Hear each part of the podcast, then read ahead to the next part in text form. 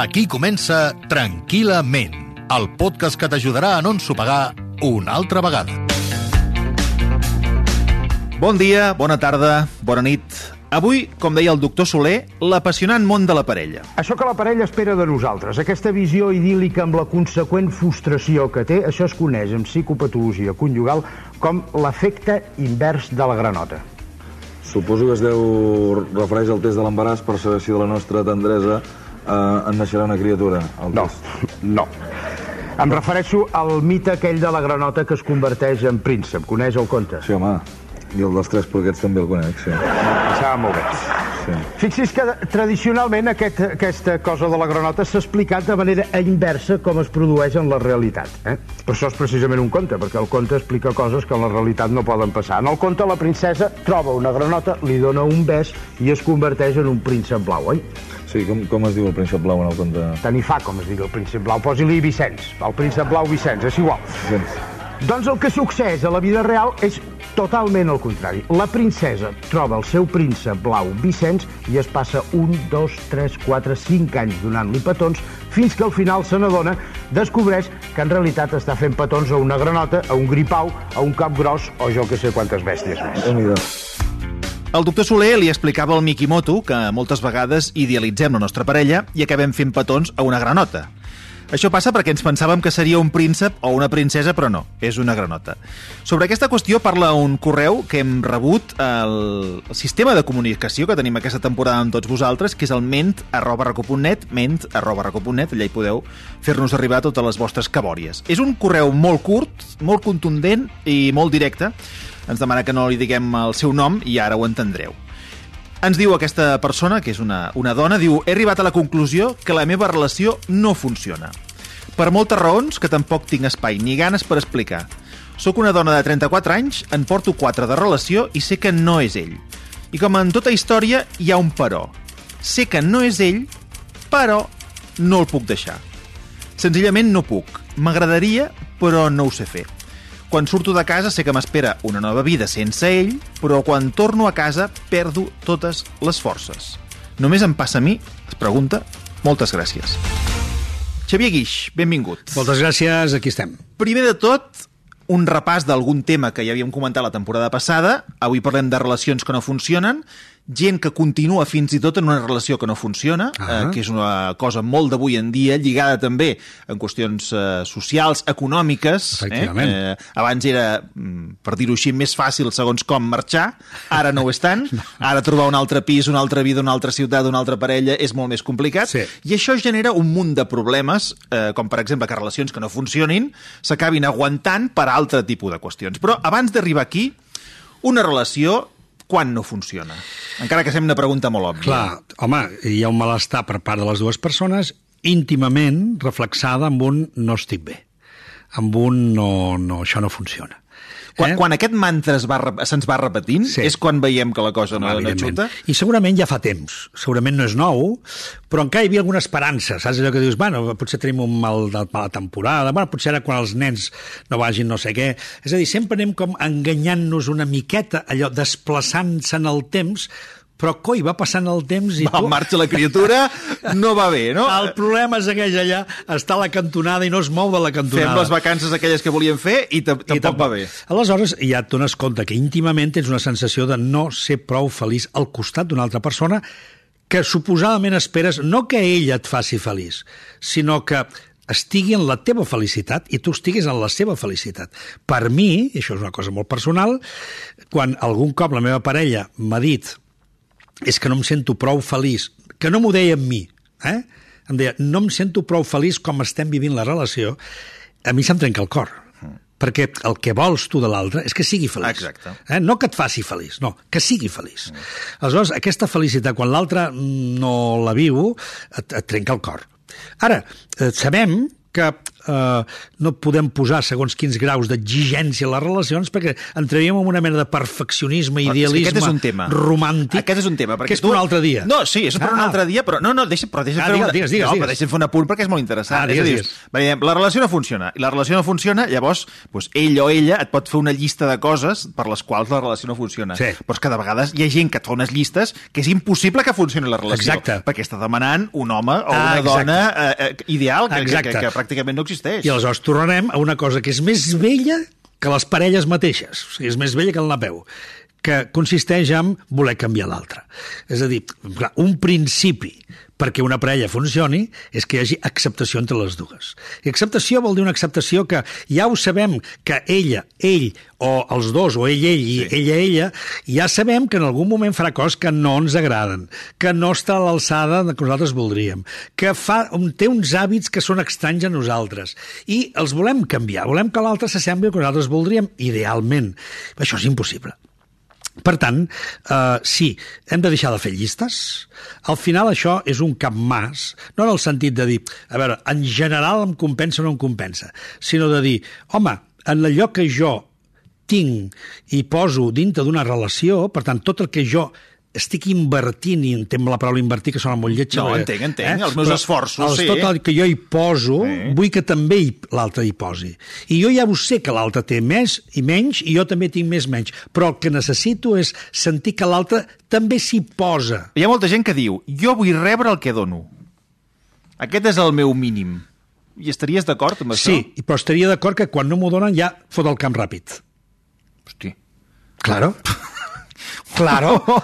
Clar. Però a veure un moment. Marc, o sigui, és a que veure... anem a per aquí, eh? Anem anem a per el que, el que estem parlant avui. Al final què faig? Aguantar, aguantar, aguantar... Bueno, però a veure, a veure, no, no, escolta, m'ha agradat molt aquesta resposta perquè és contundent i així ens entenem millor. Però, és a dir, si la- l'altra persona no em dona el que jo crec que li estic donant, eh, adéu-siau. Adéu-siau.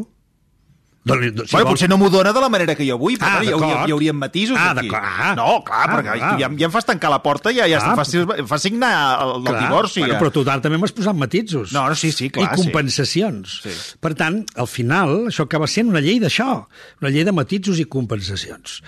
I, efectivament, quan una persona no està complint de forma clara les teves expectatives dintre d'una relació, no t'hi entretinguis, no t'hi encantis. Hi ha molta gent que li encanta això, m'ha parlat d'encantar. Exacte. Hi ha Però- molta gent que és de fumes de cap contra una paret de frontón. exacte. A veure si ara, a veure si en aquest moment, a veure si... Això que dèiem de les expectatives, no? De, dels moments. Aleshores, el problema que estem tractant avui és què fem quan una relació no funciona. Sí. Aleshores, primera cosa que fer, reconèixer que no funciona, mm. perquè això Que no- també... que no és tan obvi. Veurem, exacte. Que hi ha gent que s'entesta, eh, no, tot va bé, tot va perfecte, i, Exacte. i fa un mes que no et veus. Hi ha negacions, en aquest sentit, hi ha autèntiques negacions. Per què? Ui, quin mal de cap per haver d'afrontar un trencament, no? Tens raó, Per tant, raó. no, no, no, hi ha qui nega, hi ha qui insisteix, Home, hi perdona, ha qui nega. o compte amb això que has dit, eh?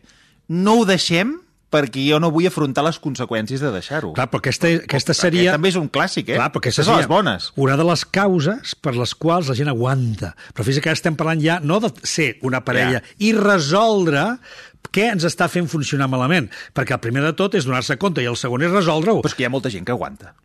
Bé, No vols dir que som que som pràcticament tots. No, eh, no, no. No? No, no, no. Jo crec que... Molta gent que aguanta, eh? Sí, Si ara ho sí. preguntéssim... Sí, sí. Sí, i et posaré un exemple... D'aquestes relacions de Disney... Eh, bueno, et posaré un exemple, Hi molta també. gent que està aquí aguantant el sostre, eh? Sí, però aleshores... Que cau pregunta- l'edifici. Clar, però la pregunta que et faria ara aquí seria quina és la causa per la que aguanten? Aleshores, això és el que ens interessa a tu i a mi a el que estem parlant d'avui. Perquè al marge que la parella hagi de resoldre-ho anant al psicòleg, és a dir, resolent-ho terapèuticament parlant, o deixant-se ajudar, simplement. Però més enllà de que, que ho puguin resoldre, està si ens estem aguantant i no ens movem, hi ha alguna causa, hi ha alguna motivació. Aleshores, aquí és on a mi m'agrada rascar. Quina és la motivació? Perquè aquí hi ha motivacions de dos tipus. Motivacions que poden ser d'un ordre de molts interessos, tenia tota la part d'interessos, que sigui la que tu estàs dient. Bueno, però m'interessa que em pagui el pis, m'interessa no sé què, m'interessa, el meu, un amic, un professor em deia, Xavier, matrimoni, patrimoni, que et quedi sempre clar. Per tant, la relació que existeix entre matrimoni i patrimoni. Aquesta és duríssima, eh? Per tant, Matrimoni, eh, patrimoni. Patrimoni. Per tant, eh, escolta, per què estem junts? Mm, perquè tenim un patrimoni. Aleshores, això, per què estem junts? Per uns interessos. Per una intendència. Per una intendència, per mantenir un estatus, per mantenir un nom. Aquests són els i les que aguanten el sostre Exacte, amb el i pal. aquests són els que aguanten però perquè tenen interessos. Però després hi han els que... També hi ha els que aguanten perquè tenen por, que hem dit abans, per solitud. O aquelles persones que tenen una ferida molt lletja des de joves, des de petits, d'abandonament. I que, per tant, encara que estiguin en una relació merdosa, la sensació d'abandonament, de ser abandonades o d'abandonar, no ho suporten. Bé, hi ha molta gent que diu jo no sé estar sol, o jo no vull estar sol. Aleshores, aquestes sensacions... Però per què estàs amb aquest o aquesta? Bueno, és que jo eh, prefereixo això abans d'estar sol. L'alternativa és la pitjor. Per tant, la millor alternativa quina és? Viure per allà, però malament. Però que és la millor alternativa. Sí, sí. Perquè l'altra és estar sol, i no ho suporto. Aleshores, ja tenim aquí una mica l'explicació. Ara, compte, hi ha encara una altra opció. A veure. Que és, i aquí ens referim a un popular com Los Puentes de Madison. Estàs parlant de Los Puentes de Madison? Los Puentes de Madison. Eh, Aquest musical que el tenim a Madrid. musical, però que ha sigut una obra, de, una, un, Una text un literari. text, una pel·lícula. Una pel·lícula, sí. i ara està- s'està fent en musical. Doncs mira, ara que el menciones, escoltem re, un fragment de la Nina i el Jerónimo Ruach a Los Puentes de Madison, al musical. Nunca antes ha sido tan duro partir. Yo no quiero volver a una vida sin ti. Solo quiero ahora y siempre contigo vivir. Si ahora Solo mírame, has sabido partir y alejarte. Es así como has ido adelante, estrellas brillan. Aquesta és la història clàssica. Aquesta és la clàssica. Però fixa't, en aquesta història, que és una història que podria ser una història fantàstica d'amor, de passió absoluta, que dues persones es troben i diuen ens hem trobat. Quina meravella, ens hem trobat. Però ell es troba en un moment donat que ha d'abandonar una família. I el seu cor està trencat perquè, per una banda, ella vol aquest amor, però no vol tampoc trencar una família. I aleshores ella decideix finalment apostar per la família. I al cap d'un temps, eh, no, no explicarem al final, perquè si, si algú encara no ho ha vist, doncs que tingui l'oportunitat Si algú no l'ha vist, que la vegi. I que- i que no, però, mm, bueno, I que estan fent a Madrid, la Nina que ho està fent fantàstic. Però vull dir, ja s'expressen unes preferències. Exacte. Em quedo amb la família abans que un, un nou amor un molt, nou amor, molt prometedor. Molt prometedor, o potser el més prometedor que he Exacte. tingut mai a la Ah, vida. exacte, exacte. Perquè hi ha un moment que ella li diu amb ell ets el més verdader que he viscut. Per tant, uau, descobrir això, encara que sigui una edat madura, uau, Però però ella acaba decidint això. Per què? I aleshores aquí entrarem en l'altra dimensió de l'amor, que és, al final, del que es tracta, Marc, és d'estimar. I hi han diferents maneres d'estimar. I a vegades estimar no vol dir només viure grans passions i creure'ns que ens hem de passar tota la vida enamorats, sinó que a vegades estimar és justament donar-li el valor just d'on està posat el teu cor perquè allà s'ha creat una xarxa amorosa, una xarxa afectiva que d'alguna manera se sosté, entre altres coses, també pel que estimes i el que et donen. I a vegades trencar això no és gens fàcil, Marc. I hi ha molta gent, i diré, diré en aquest sentit molta, que, igual que los puentes de Madison, han fet renúncies de grans enamoraments per mantenir, per continuar, amb quelcom que, compte, estimaven. Aleshores, aquí el fotut és no estimar. Això és el fotut. Que estiguis en una relació amb algú que no l'estimes, que probablement ja no el suportes, però que l'aguantes. Això sí que és molt dolorós. déu nhi la balança eh, que estem posant damunt de la taula. És a dir, en aquest cas que estem comentant, hi ha la família i podríem dir que aguantem per la família, No, estimem. Estimem perdó, la família. Estimem la família. però també estimem l'altre amor únic a la vida. Sí, però no els pots viure els dos alhora. I com que... Però un- aquí... Sí, ja Aquí podíem comentar moltes qüestions, Exacte, exacte, eh? però si ens hem sí- de posar amb aquestes històries. Però si no són poliamoroses, Sí. seran deshonestes. Mm. Per tant, o bé obrim la caixa i que tothom sàpiga doncs, que jo, a part de la meva família, també t'estimo. I, per tant, jo crec que arribarà un dia, Marc, no sé quan, tu i jo potser no ho veurem, que la gent ja viurà així. I haurà eh, atribuït o haurà agafat formes diferents de viure les relacions, perquè com les vivim és un constrenyiment que ens fa mal. L'amor agafa moltes formes, moltes. Què és el que importa? Que hi hagi amor. La forma és igual.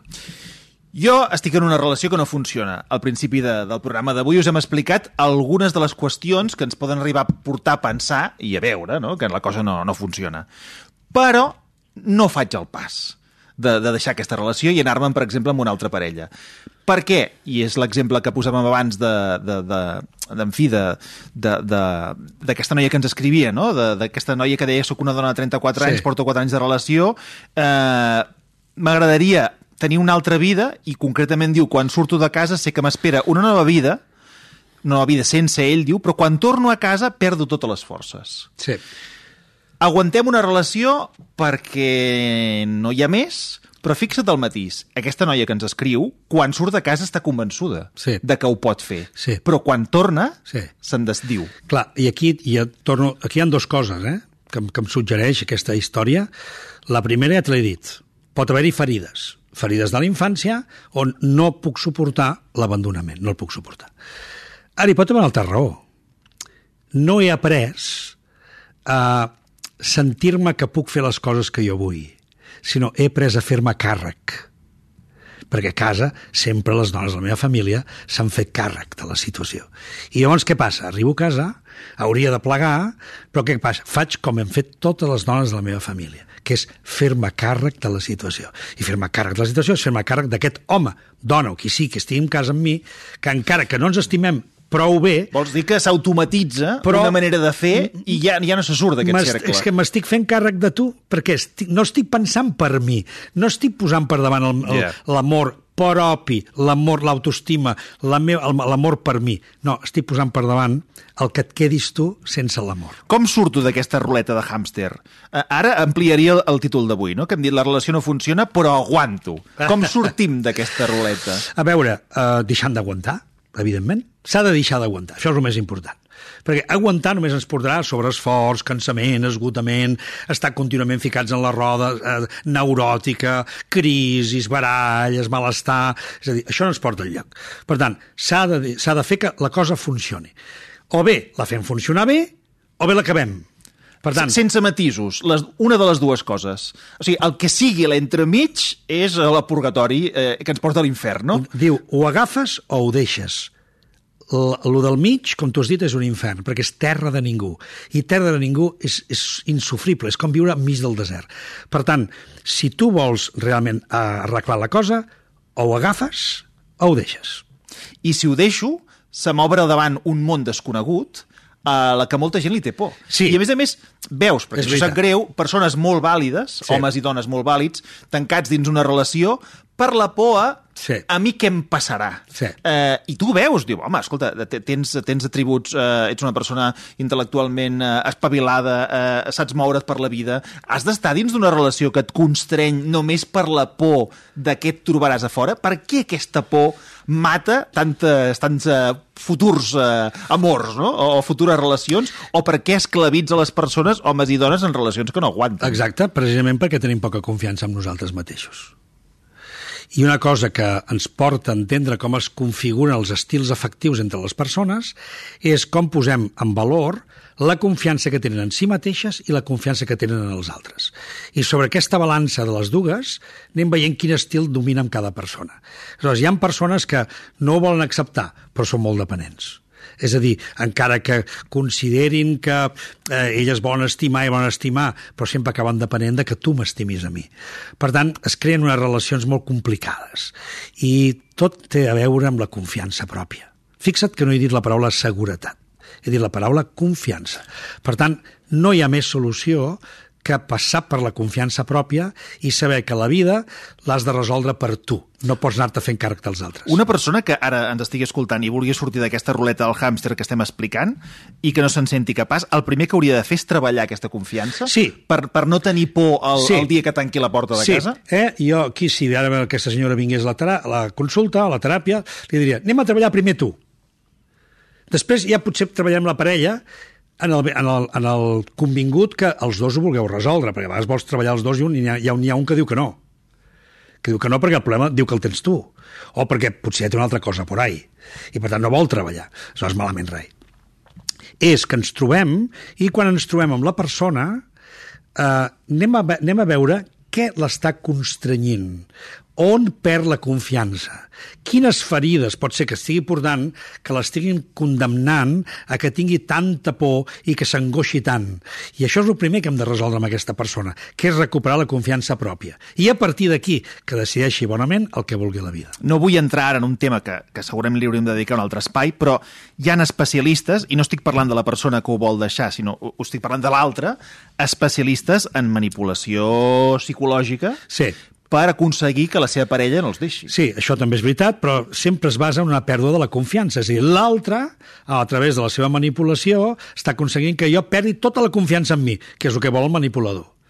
Per tant, per manipular-me, jo no puc tenir confiança. Per tant, tornem al mateix lloc. Sempre al mateix lloc, perquè és la base de tot. Estimar-me a mi des de la confiança. Repeteixo, no la seguretat, sinó la confiança pròpia de dir, passi el que passi, m'aniré sortint, aniré descobrint el que vull i confio, a més a més, que la vida, si jo m'hi entrego de, de ple, també serà generosa en donar-me el que jo necessito. Els apunts del Tranquil·lament. Avui hem comentat moltes qüestions i les ordenem en els apunts del Tranquil·lament. Sí, bueno, aquí eh, és molt important aquest no estic bé exigeix alguna decisió o treball, eh? això ja ho hem dit. Si no estem bé, fem alguna cosa, i, o si no, deixem la relació, és a dir, anem, anem cap al camí de deixar la relació. També resoldre la motivació profunda que fa que jo segueixi en aquesta relació. Sigues una mica honest amb tu mateix, amb tu mateix. Per què m'hi quedo, no? Jo per què hi sóc aquí? Realment per què aguanto? I que en aquest cas faci un acte autèntic d'honestedat. I això sí, que sigui capaç de dir-li a la meva parella. Mira, jo estic aquí per això, jo estic aquí per allò, mira, jo, si fos unes altres circumstàncies, no estaria aquí, o, mira, no, voldria intentar-ho, però ja no me'n veig en cor. Però tampoc em veig en cor de deixar-ho. I llavors compartir-ho amb l'altre. Perquè potser l'altre... Pensa el mateix. No, eh, eh, Pensa Podia el mateix. passar, podia passar, Eh? sí, I sí. els dos ens Sort que ho alliberem. has dit, sort que ho has dit, sí, sí. Eh? O ens acompanyem, ens anem acompanyant amb com ho podem anar resolent d'una manera o d'una altra.